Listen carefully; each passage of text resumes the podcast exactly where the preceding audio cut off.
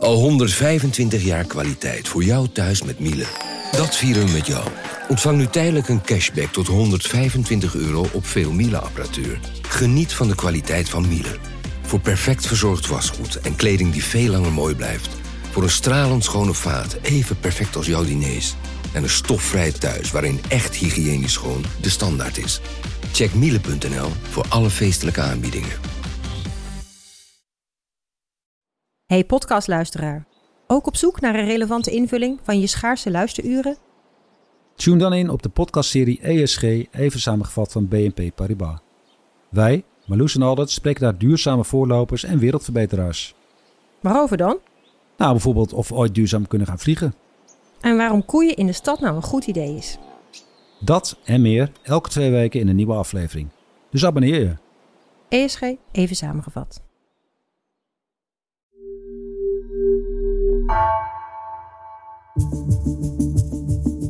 Vanaf de redactie van NRC het verhaal van vandaag. Mijn naam is Thomas Ruip.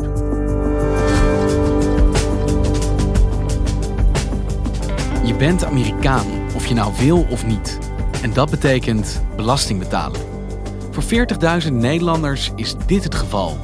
Ze zijn geboren in de VS of een van hun ouders is Amerikaans, maar ze beschouwen zich Nederlands en wonen en werken hier. Toch hangt hen een Amerikaanse belastingsschuld boven het hoofd.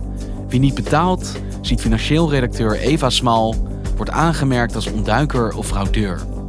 En Nederland werkt daar aan mee.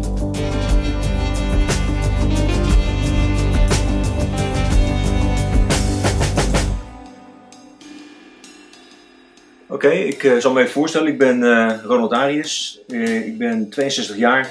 Dit is Ronald Arius, is een ex-piloot bij KLM. Hij is een paar jaar geleden met pensioen gegaan. En in 2018 ging hij naar de regiobank om een nieuwe rekening te openen. Tot zover alles goed, gezellig. Hij moest wat formuliertjes invullen en ehm, nou, hij dacht, ik heb een bankrekening geopend. Tot ik een week later brieven kreeg van, uh, vanaf de regiobank ja, dat ik een, US person zou kunnen zijn, omdat ik dan geboren ben in uh, Amerika. Dus hij heeft ingevuld bij geboorteplaats, ik ben geboren in de Verenigde Staten. En dat zorgt ervoor dat hij door de bank wordt gezien als Amerikaan. Uh, want de Verenigde Staten zien mensen die geboren zijn in, in het land, of bijvoorbeeld een Amerikaanse moeder hebben of een Amerikaanse vader, als Amerikaan. Dus je bent Amerikaans staatsburger als je in de VS geboren bent, ook al hebben je ouders eigenlijk een andere nationaliteit. Of in het buitenland als één van je ouders Amerikaan is. Ja, dat klopt. En, uh, en Ronald, nou, zijn uh, vader die uh, werkte bij Defensie. En die waren in de jaren 50, was hij uitgezonden naar een, een fort in de Verenigde Staten. Mijn moeder was al in verwachting van mij.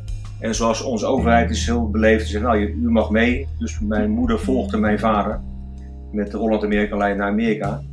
Al waar ik in 1958 uh, geboren ben. En op éénjarige leeftijd uh, naar Nederland kwam. En dus voor het eerst uh, voet zette in Nederland. En eigenlijk is hij daarna nooit meer naar de Verenigde Staten geweest. Um, hij heeft hier zijn opleiding gevolgd. Is hier dus heel lang werkzaam geweest bij KLM. De hele wereld rondgevlogen. En hier altijd belasting betaald. En wat betekent dat dan nu voor hem, nu hij een rekening wil openen? Ze vragen van hem een TIN, een Tax Identification Number. Dat is een soort burgerservice nummer, uh, zoals je die in Nederland kent. En die heb je in de Verenigde Staten nodig om belastingaangifte te kunnen doen.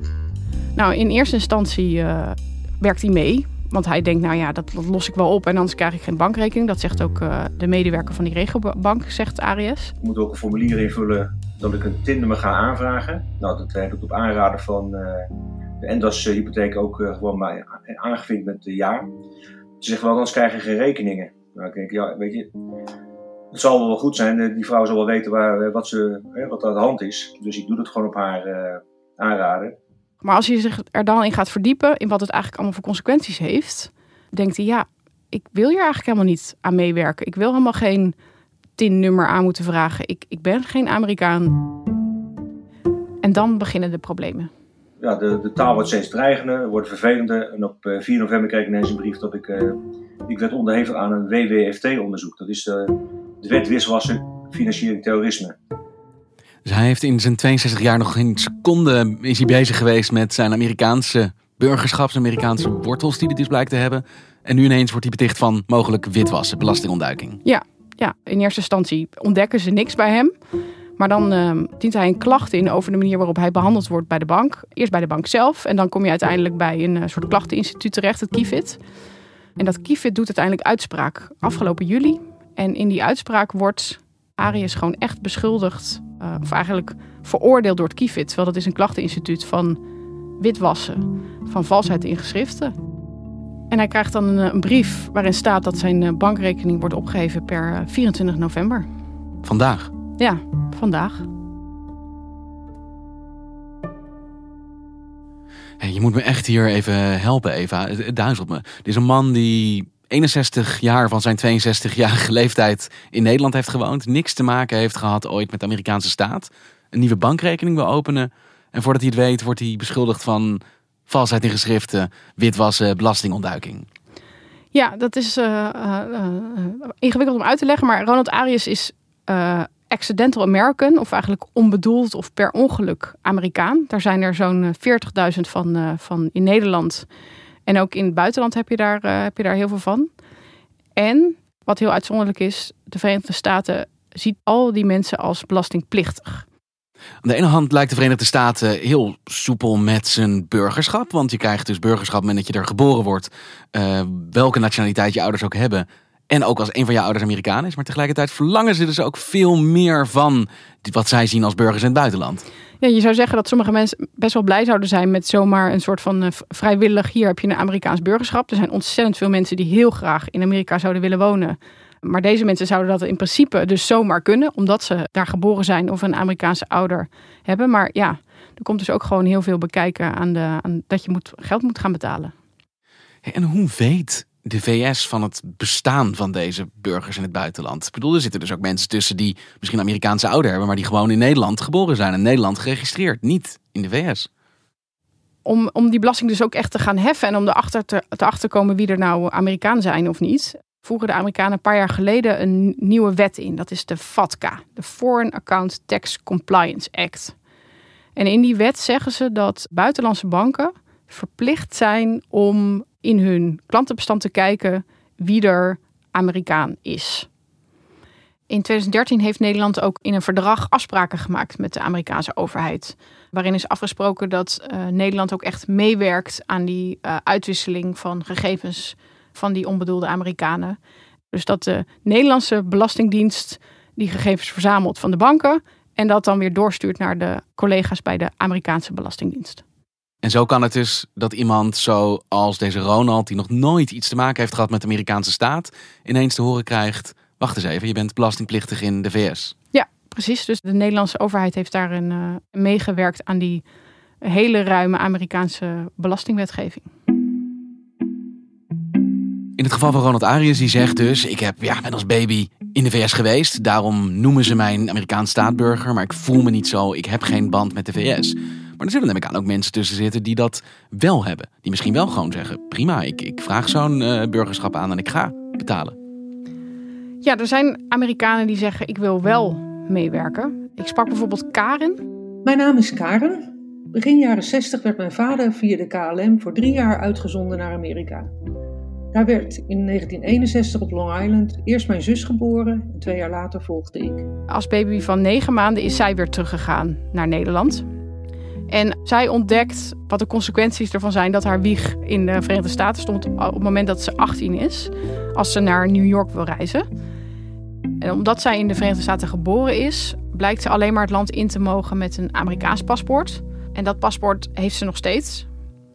Nou, in 2019 uh, wil ze de paspoort verlengen. En dan komt ze erachter dat ze belastingplichtig is.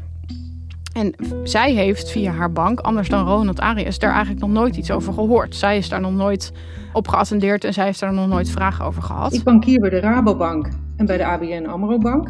Beide banken hebben mij nog nooit een brief gestuurd over dit onderwerp. Ja, ze gaat zich er dan in verdiepen wat hier de consequenties van zijn. En ze leest dan over uh, hoge boetes die ze kan krijgen. Maar tegelijkertijd wil zij wel haar paspoort houden. En zij is dus eigenlijk al belastingplichtig sinds haar achttiende. Dus voor haar zou het kunnen betekenen dat ze nog over 38 jaar uh, belastingen moet gaan betalen. Daar heb ik echt nachten van wakker gelegen. Wat doet ze dan? Nou, er blijkt dan een, eh, een, een regeling te zijn om, om op een, een beetje een soepele manier die belasting te betalen. Nou, dat denkt ze, dat wil ik dan doen, want ik wil mijn paspoort behouden.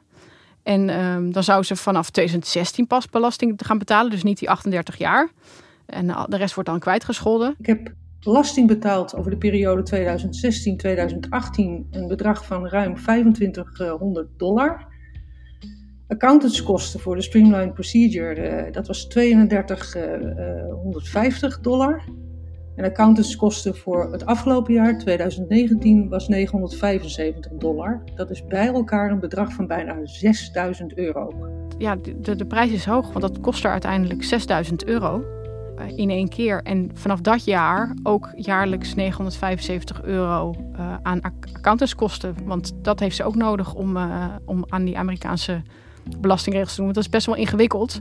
Dus je hebt echt een expert nodig om, om, om echt aangifte te kunnen doen. Ja, want zij woont gewoon in Nederland. Dus ze betaalt ook belasting in Nederland. Wordt dan van haar verlangd om dubbel belasting te betalen. Zowel in Nederland als in de VS. Nou, er zijn belastingen die daar tussenuit vallen. Want de Amerikanen zien ook wel in dat het niet uh, heel eerlijk is als je echt in twee landen over alles twee keer belasting moet betalen. Dus voor bijvoorbeeld voor loonbelasting, voor mensen die in dienst zijn, is geregeld dat als je dat gewoon in Nederland netjes hebt betaald, dat je dat niet ook nog in de Verenigde Staten uh, hoeft te betalen. Er zijn ook dingen die in, de, in Nederland niet belast zijn, maar in de Verenigde Staten wel. Waar denk je dan aan? Dat is bijvoorbeeld de overwaarde van een huis. Als je in Nederland met winst je, je huis weet te verkopen, dan hoef je daar niet extra uh, uh, belasting op te betalen. In ieder geval niet op dezelfde manier als in de Verenigde Staten. Dat is mooi meegenomen. Dat is in principe mooi meegenomen, die overwaarde. Maar de Verenigde Staten ziet dat iets waar je belasting voor uh, moet betalen. Als ik vooruit kijk, ja, ooit gaan wij verhuizen en, en, ga ik wellicht ook mijn huis verkopen. En ik heb begrepen dat je dan een behoorlijk bedrag moet betalen ook voor de ja, verkoopwinst op je huis. En ja, dat vind ik toch wel een, een, een probleem. Hey, maar als jij inderdaad verplicht wordt door de VS om belasting te betalen en je zegt dat wil ik niet, en ik voel me geen Amerikaan, ik wil hier niks mee te maken hebben, waarom geven ze die nationaliteit dan niet gewoon op? Kan je niet gewoon zeggen, hou dat paspoort? Je kan een uh, certificate of loss uh, of nationality aanvragen. En uh, daarmee zeg je, ik ben niet langer Amerikaan.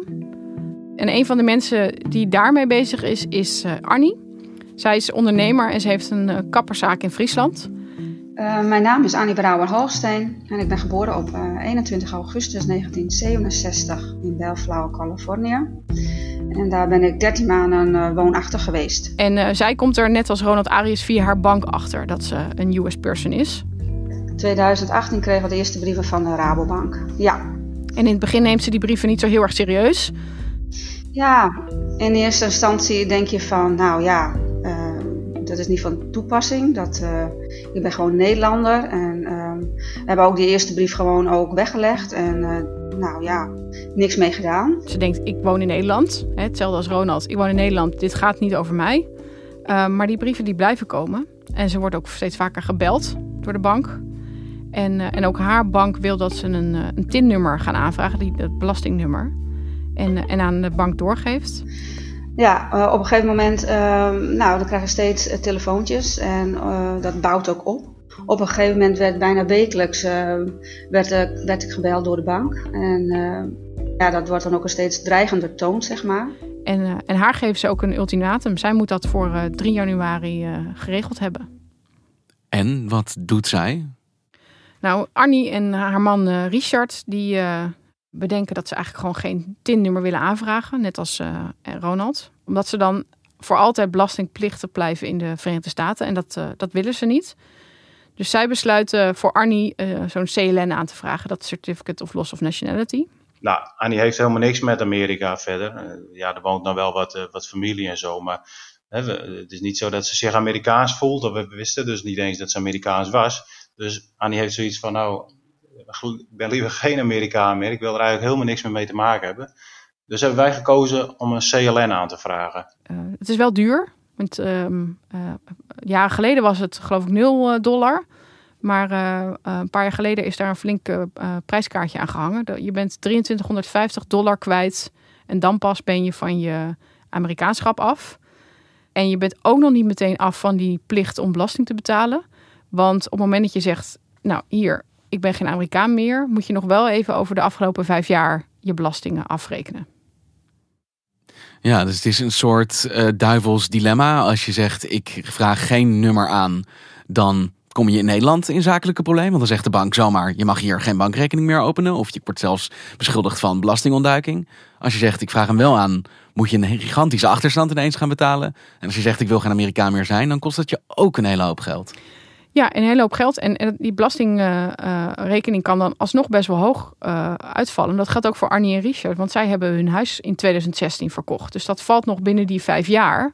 Dus wat zij daar aan overwaarde hebben gehad, daar, uh, daar kan ook weer de Amerikaanse Belastingdienst uh, belasting op gaan heffen. Maar er is in ieder geval geen keuze ook om er niks mee te maken te hebben. Om te zeggen, ik heb nooit iets met de VS gehad, ik, ik, ik wil dit niet je gaat sowieso eigenlijk iets moeten betalen. Je zou sowieso uh, actie moeten ondernemen. Het heeft eigenlijk echt geen zin om te zeggen: uh, oogkleppen op, uh, oordopjes in. ik heb er niks mee te maken. Je moet actie ondernemen. Want als je dat niet doet, dan raak je je bankrekening kwijt. En in Nederland zonder bankrekening, ja, dat kan eigenlijk helemaal niks. Je kan geen hypotheek ontvangen. Je kan geen salaris ontvangen. Je kan geen pensioen ontvangen. Je kan je telefoonrekeningen niet betalen. Ja, dat is bijna onmogelijk. En voor Annie heeft het ook echt grote consequenties als zij geen rekening meer kan hebben. Want zij is ondernemer. Zij heeft een kapperszaak en daar heeft ze ook een bankrekening voor nodig. Dus als zij geen bankrekening meer kan hebben, dan kan ze eigenlijk ook geen kapperszaak meer hebben. En dat heeft ook weer nog grotere consequenties. Want Annie heeft drie mensen in dienst. En vooralsnog is haar ook dus nog niet gelukt om te zeggen: ik wil dat paspoort niet, ik ben geen Amerikaan meer vanaf nu. Nee, dat, dat, dat duurt dus voor haar al een jaar. En voor heel veel mensen die dit proberen, duurt dat gewoon al heel lang. Vanwege corona zijn al de ambassades van Amerika een hele tijd dicht geweest. Dus toen kon het helemaal niet. Uh, nu zijn ze weer een beetje mondjesmaat open, maar de wachttijd, uh, wachttijd is enorm. En in de tussentijd? In de tussentijd uh, ja, is het heel onzeker voor deze mensen. Ik, ik heb contact met ze gehad. Als je ze spreekt, hoor je ook gewoon aan hun stem dat dit ze enorm bezighoudt. Ja, daar raak je bijna helemaal van overspannend, zeg maar. Dus op een gegeven moment werd ik er midden in de zaak ook gebeld. En dan ben je aan je werk. En uh, nou, tussen mijn klanten en mijn personeel uh, ja, ben ik ook een keer in tranen uitgebarst. Dus uh, je hebt stress, ehm, slapeloosheid. Ja, en op een gegeven moment loop je toch bijna op je tenen eh, tegen een burn-out aan. Het weegt heel zwaar in, in, in, de, ja, in het gezin, zeg maar. Het gaat er heel vaak over. En het is, ja, best wel emotioneel, ja. ja. En, en Annie overweegt nu dus gewoon maar te stoppen met haar bedrijf. Ja, dat is gewoon heel erg naar als jij een, een kapperszaak hebt opgebouwd met veel klandizie. Dat jij door deze wetgeving uh, moet zeggen, ik stop daarmee. Nou ja, ik over, overweeg dan ook uh, inderdaad echt uh, serieus om te gaan stoppen met mijn levenswerk, met mijn kapsalon. Ja goed, het houdt ook in dat je ook personeel hebt. Nou, dat soort mensen belanden dan ook op straat. Wat natuurlijk ook wel heel, heel erg is. En ja, je wordt er heel erg verdrietig van.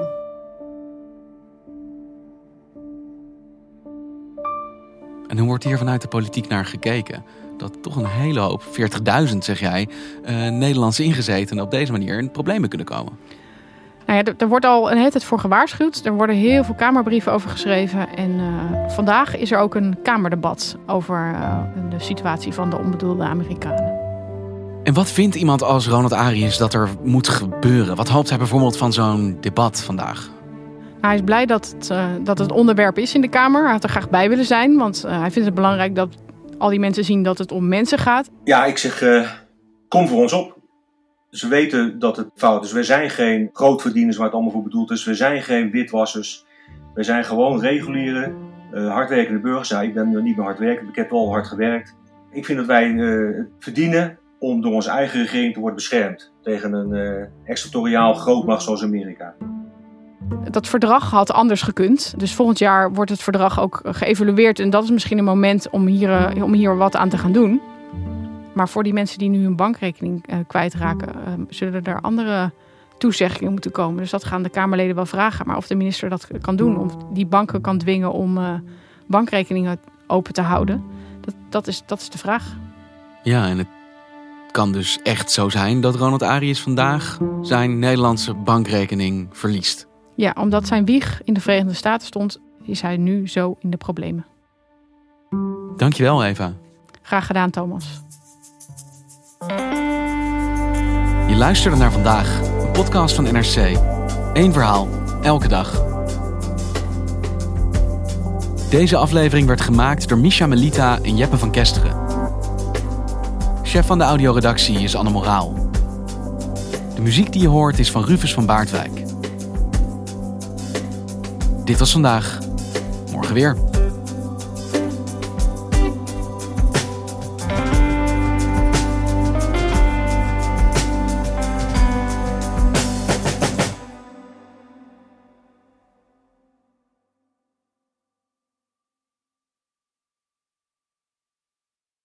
Technologie lijkt tegenwoordig het antwoord op iedere uitdaging. Bij PwC zien we dit anders. Als we de potentie van technologie willen benutten, kunnen we niet zonder een menselijk perspectief. Human-led, tech-powered noemen we dat. Ga naar pwc.nl.